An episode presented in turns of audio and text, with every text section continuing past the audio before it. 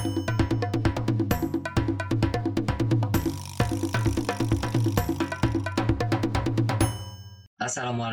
warahmatullahi wabarakatuh. Salam sejahtera bagi kita semua. Shalom, Om Swastiastu, Nama Budaya, Salam Kebajikan.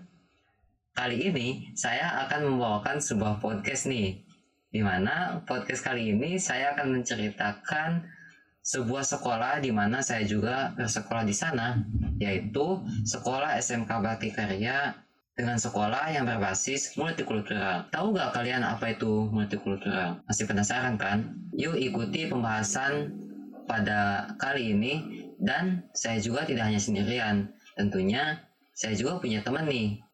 Di mana temanku juga ini dia bersekolah di SMK Bakti Karya. Bahkan dia satu angkatan denganku. Eh, buat kamu silahkan nih, perkenalkan.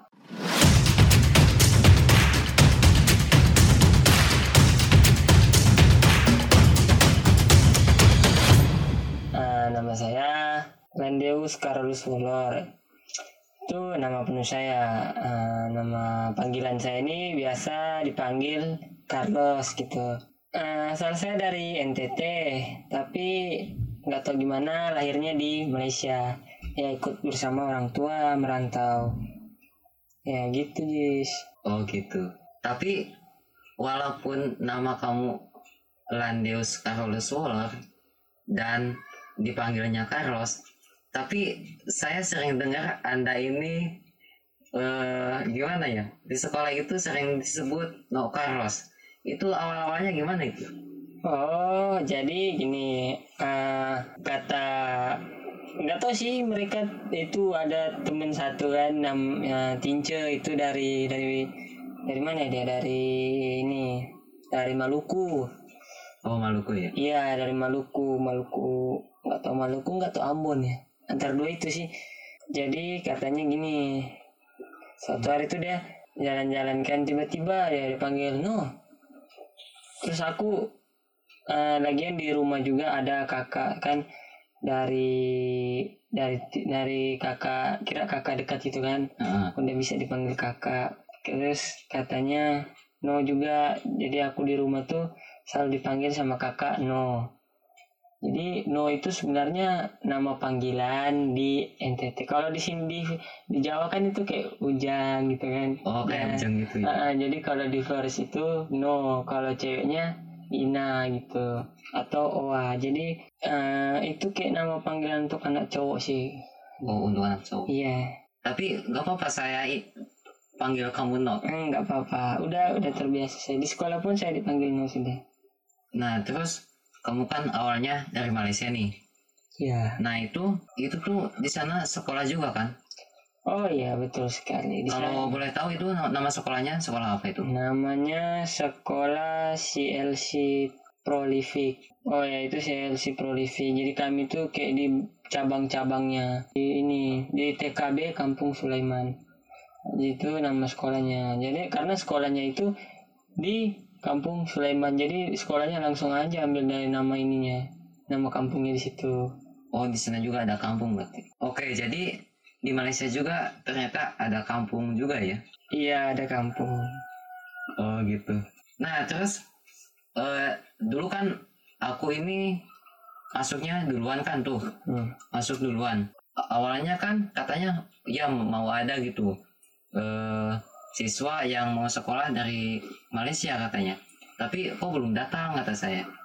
Terus lama-lama kan oh ternyata dia datang juga nah terus kenapa kau bisa telat datangnya untuk sekolah di sini oh jadi kan kalau mau keluar dari Indonesia itu kan harus mempunyai paspor jadi biar tidak usah ikut samping gitu kan jalan-jalan pintas gitu kan itu agak berbahaya dan resikonya tinggi. Jadi uh, kata guru-guru itu lebih baik anak-anak semua dia urus surat ininya, surat pindahnya, pasportnya biar ada kalau ada paspor itu enak masuk keluar Indonesia atau masuk keluar di Malaysia. Eh maksudnya masuk keluar di Malaysia gitu. Kalau ada paspor. Nah, jadi kami itu ada 700 lebih siswa yang dikirim dari uh, Malaysia ke Indonesia. Nah itu tuh banyak tuh yang nunggu nunggu paspor, banyak juga yang telat ke Indonesia. Jadi kami tuh telatnya sih kalau soal persiapan udah siap sih semuanya. Ya jadi selama berapa bulan dua bulan lebih ya aku di ini tuh nunggu tuh nunggunya nunggu paspor Oh gitu ya. Akhirnya datangnya telat gitu. Hmm, akhirnya datangnya ya telat. Nah terus oh kamu bisa tahu gitu sekolah ini itu taunya dari mana itu? Nah, sekolahnya itu jauh sebelum lulus SMP.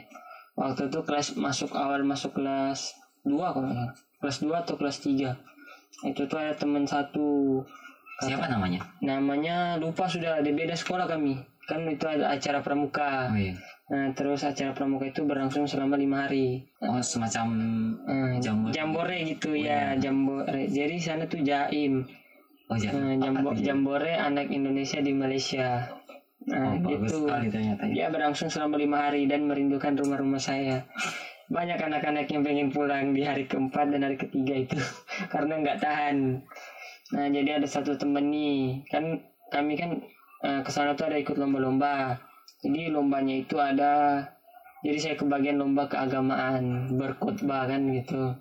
Nah jadi waktu kami udah duduk nunggu antrian untuk eh, khotbah kan jadi kami sempat ngobrol aku bilang kau ntar lulus ke mana?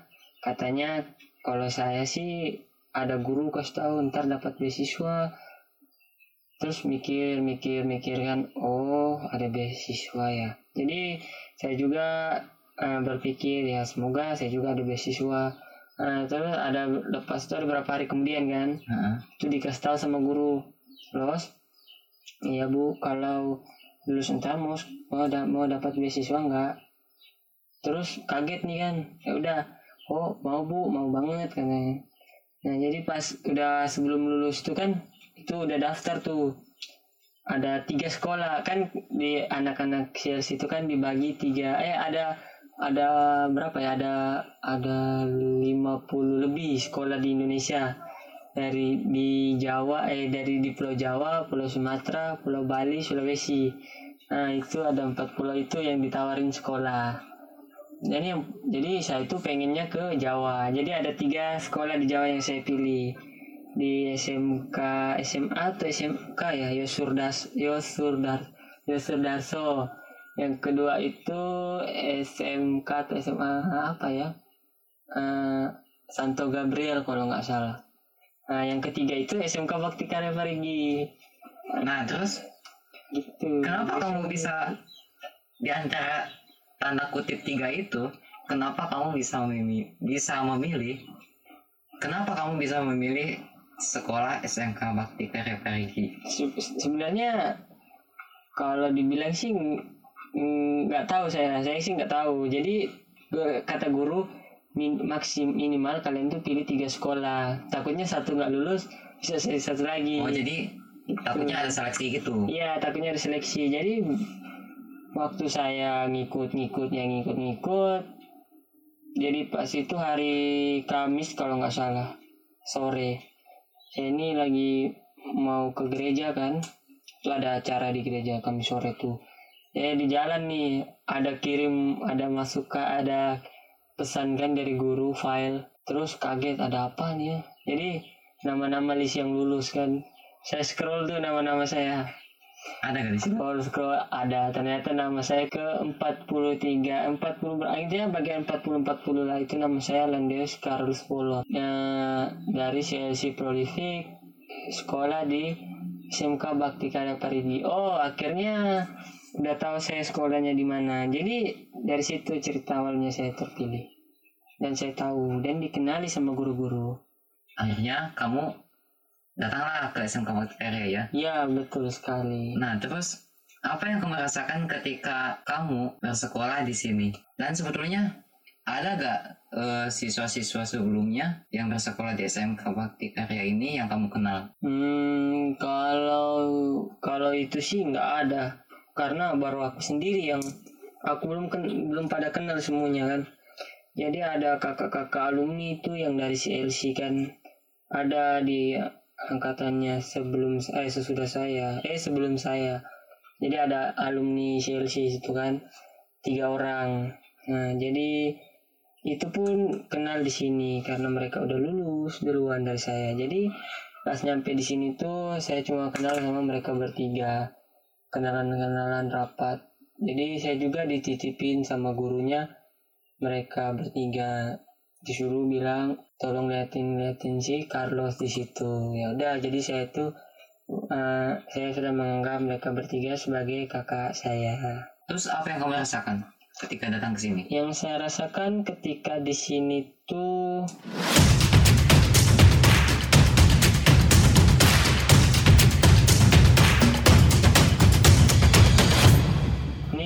mulanya saya kira siswanya eh, sekolahnya itu banyak siswanya kan ada ratusan-ratusan kayak sekolah-sekolahnya kan terus Sekolahnya bagus gitu. ah, sekolahnya juga bagus Tingkatan. bertingkat Fasilitasnya lengkap. fasilitasnya lengkap jadi pas nyampe di sini Tapi kenyataannya gimana? kenyataannya jauh beda jauh banget dari apa yang saya mimpikan nah jadi eh, itu tuh agak kaget nah jadi tapi yang bikin merubahnya segala itu programnya kan programnya itu kelas multikultural Ya. itu yang merubah segala pikiran saya dari memikirkan bangunan tinggi, siswa yang banyak, dan iya segala-galanya. Jadi itu merubah segala-galanya. Jadi saya tuh melihat teman-teman kalau di SMP saya itu kan saya cuma ada tuh teman ya minim maksimal dari dua pulau doang. Jadi ada it- itu pun belum satu pulau doang kalau dari Sulawesi sama NTT. Eh Iya, Sulawesi sama NTT. Cuma ada dua pulau yang sekolah di sekolah saya. Jadi nggak nggak banyak sih.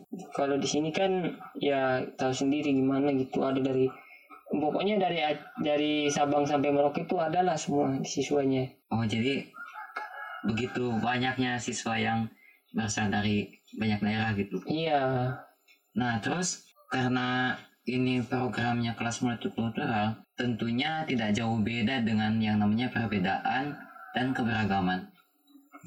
Karena multikultural itu kan isinya tentu saja berbeda kan, berbeda, beragam. iya. Nah, apa pendapatmu atau bagaimana menurutmu tentang perbedaan dan keberagaman ini? Terus, adakah konflik yang kamu alami ketika kamu bersekolah di sini mengenai perbedaan dan keberagaman ini? Oh jadi eh, kalau menurut saya sih perbedaan kayak udah bisa gitu beradaptasi sama orang-orang yang berbeda ya. Ya asal kita baik ya orang juga baik sama kita. Jadi perbedaan itu bukanlah satu penghalang bagi saya. Jadi eh, bagi saya itu biasa aja sih. Bagaimana asalkan kita tuh bisa bersikap sopan terhadap sesama teman. Oh iya, kalau masalah konflik sih enggak sama teman-teman, enggak pernah. Ya palingan macam merasa kesel sama teman ya wajar lah. Ya, Itu keselnya semacam apa itu? ah Keselnya, ada yang keras kepala. oh ada yang, oh misalkan, eh, misalkan diingetin nih, terus nggak nggak apa nggak nerima gitu apa gimana? Ya enggak nerima lalu ya pergi.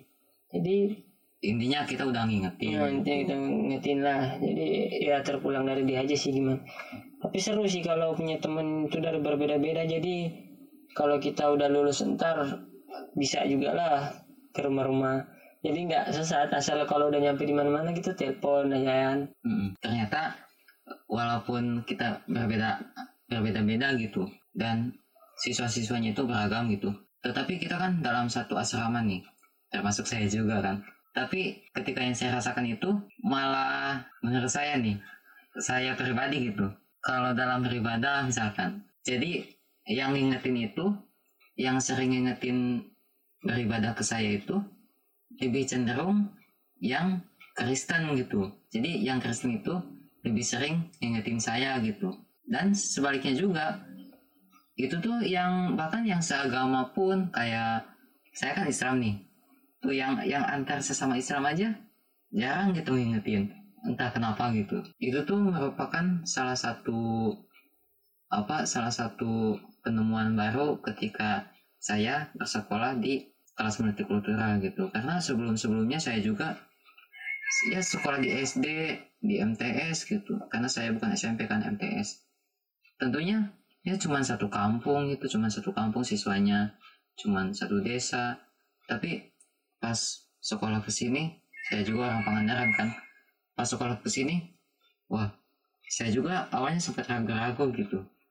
Ini saya yakin mau sekolah ke sini ini nggak nggak bakalan apa nggak bakalan ini gitu. Soalnya masyarakat saya tuh kayak sensitif banget gitu terhadap yang namanya toleransi gitu. Kayak kurang begitu paham gitu.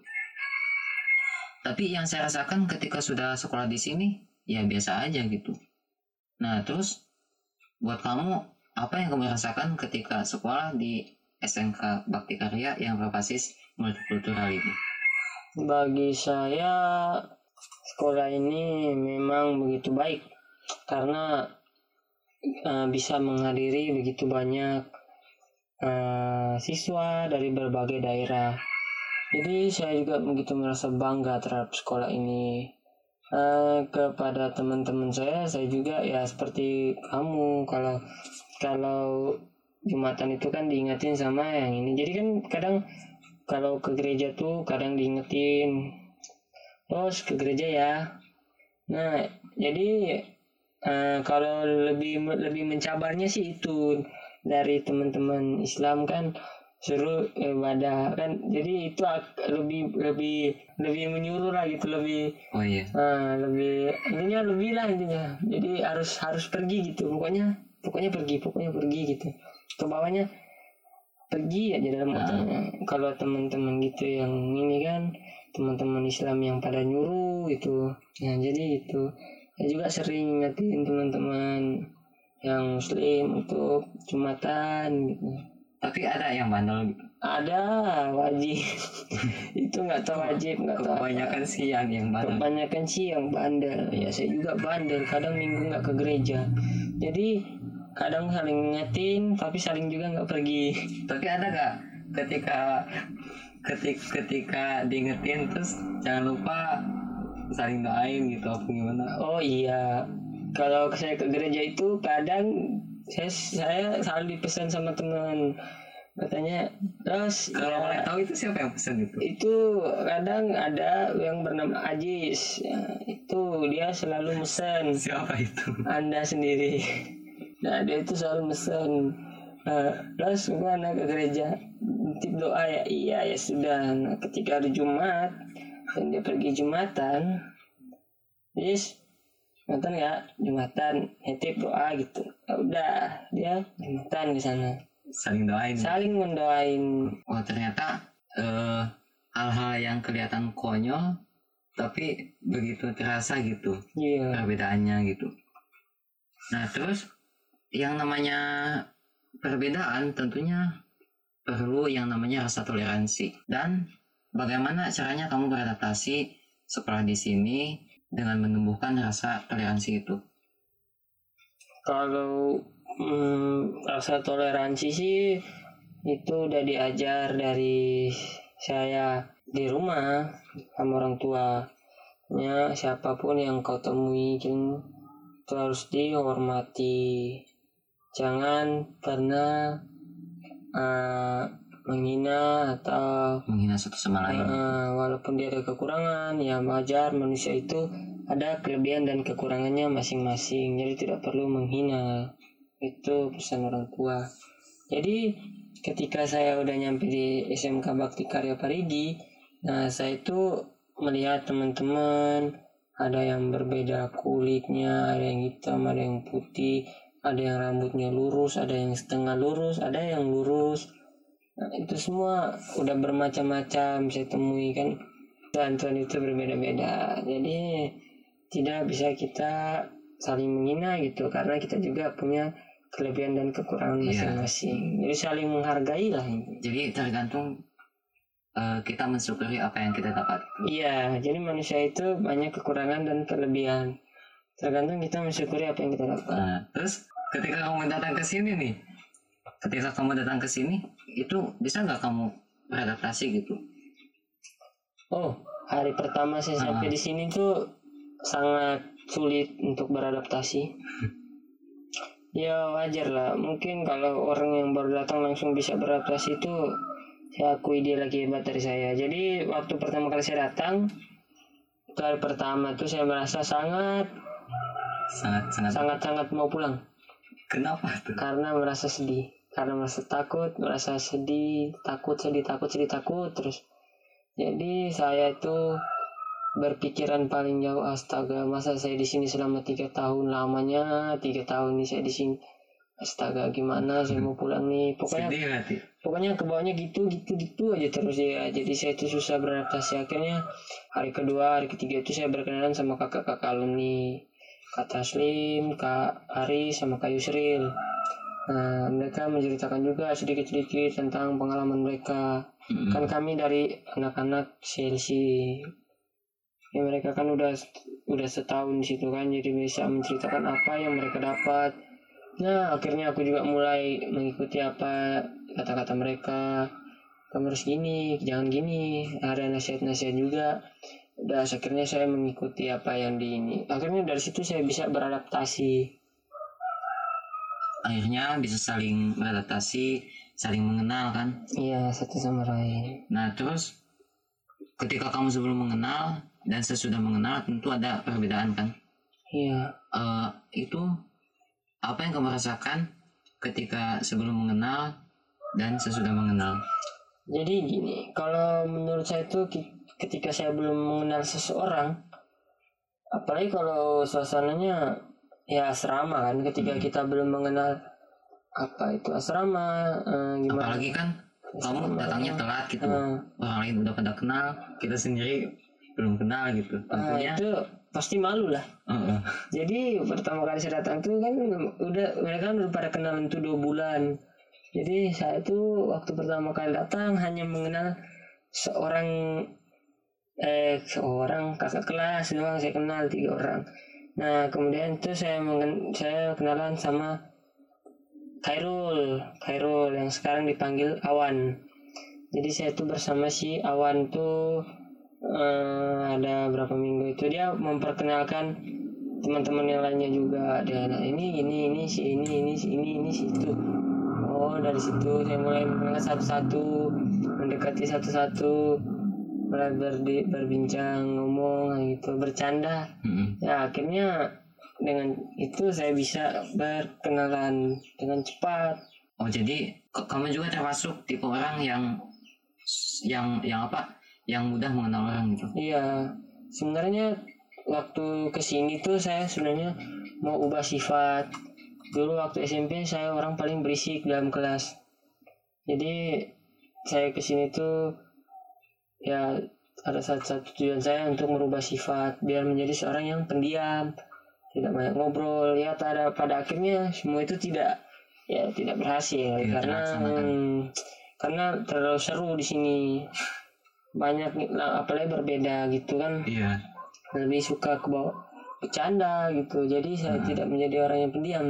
Saya berpikir kembali saya ingin menjadi seorang yang ceria gitu. Nah jadi eh, saking cerianya saya senang beradaptasi sama teman-teman lainnya. Nah terus menurut kamu penting nggak nih kita sebagai orang yang beragam dan bertoleransi? Penting nggak kita merawatnya? Oh iya kalau menurut saya sih pribadi ya penting merawat toleransi dan bahkan sangat penting sekali kan? bahkan paling penting itu adalah nomor satu karena boleh dibilang di negara ya. Karena tahulah sendiri Indonesia itu mempunyai keberagaman yang begitu banyak. Dari Sabang sampai Merauke itu begitu banyak keberagaman yang bisa kita temui dan bisa aja yang kita belum ketahui. Nah pa- pada saat kita ketahui itu kita akan merasa kaget. Nah jadi kita harus saling tahu gitu keberagaman keberagaman sesama teman apa pun itu. Jadi perkenalan itu paling penting untuk mengetahui seseorang. Nah, jadi kita itu harus mencari tahu eh, gimana ya dia punya sifat karakter nah, kita jangan berlebihan Hmm, jangan canda gitu harus ada tetap harus ada batasannya harus ada gitu. toleransinya Mm. jadi itu kita harus saling menghargai toleransinya ya tinggi karena kita hidup dalam keberagaman itu ya intinya toleransi itu harus ditingkatkan lagi agar keberagaman itu tidak hancur Oh iya. Nah terus untuk yang terakhir pesan kamu untuk orang-orang agar tetap merawat keberagaman dan toleransi? Saran saya, jangan pernah berhenti untuk melakukan hal dalam saling menghargai, menghormati. Intinya toleransi itu harus diterapkan atau ditanam tanamkan dalam hati. Ya kita sebagai rakyat Indonesia yang baik hati dan tidak sombong, kita harus saling merawat dan dalam hal keberagaman. Keragaman itu penting dalam kehidupan kita. Ya, tapi itu tuh sebetulnya kita tuh jangan jangan hanya kata-kata atau omongan doang, tetapi Jos. tetapi kita ini bisa merasakan perbedaan keberagaman itu sendiri dan rasa toleransi itu ketika kita berada di tengah-tengah orang yang beragam itu sendiri.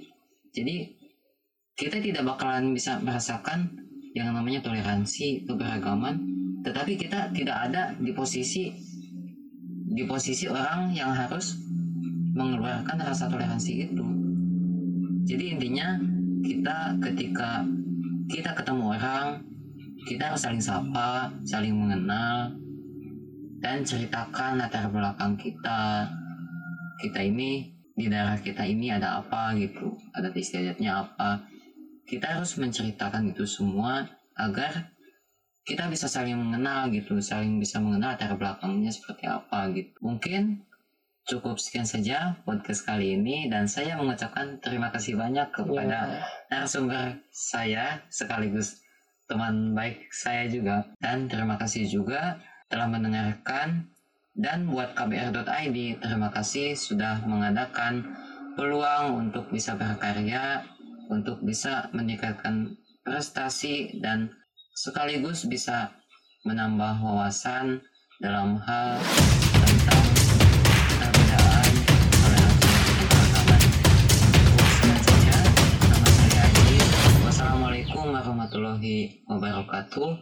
Salam sejahtera bagi kita semua. Shalom, Om Swastiastu, nama budaya, salam kebajikan.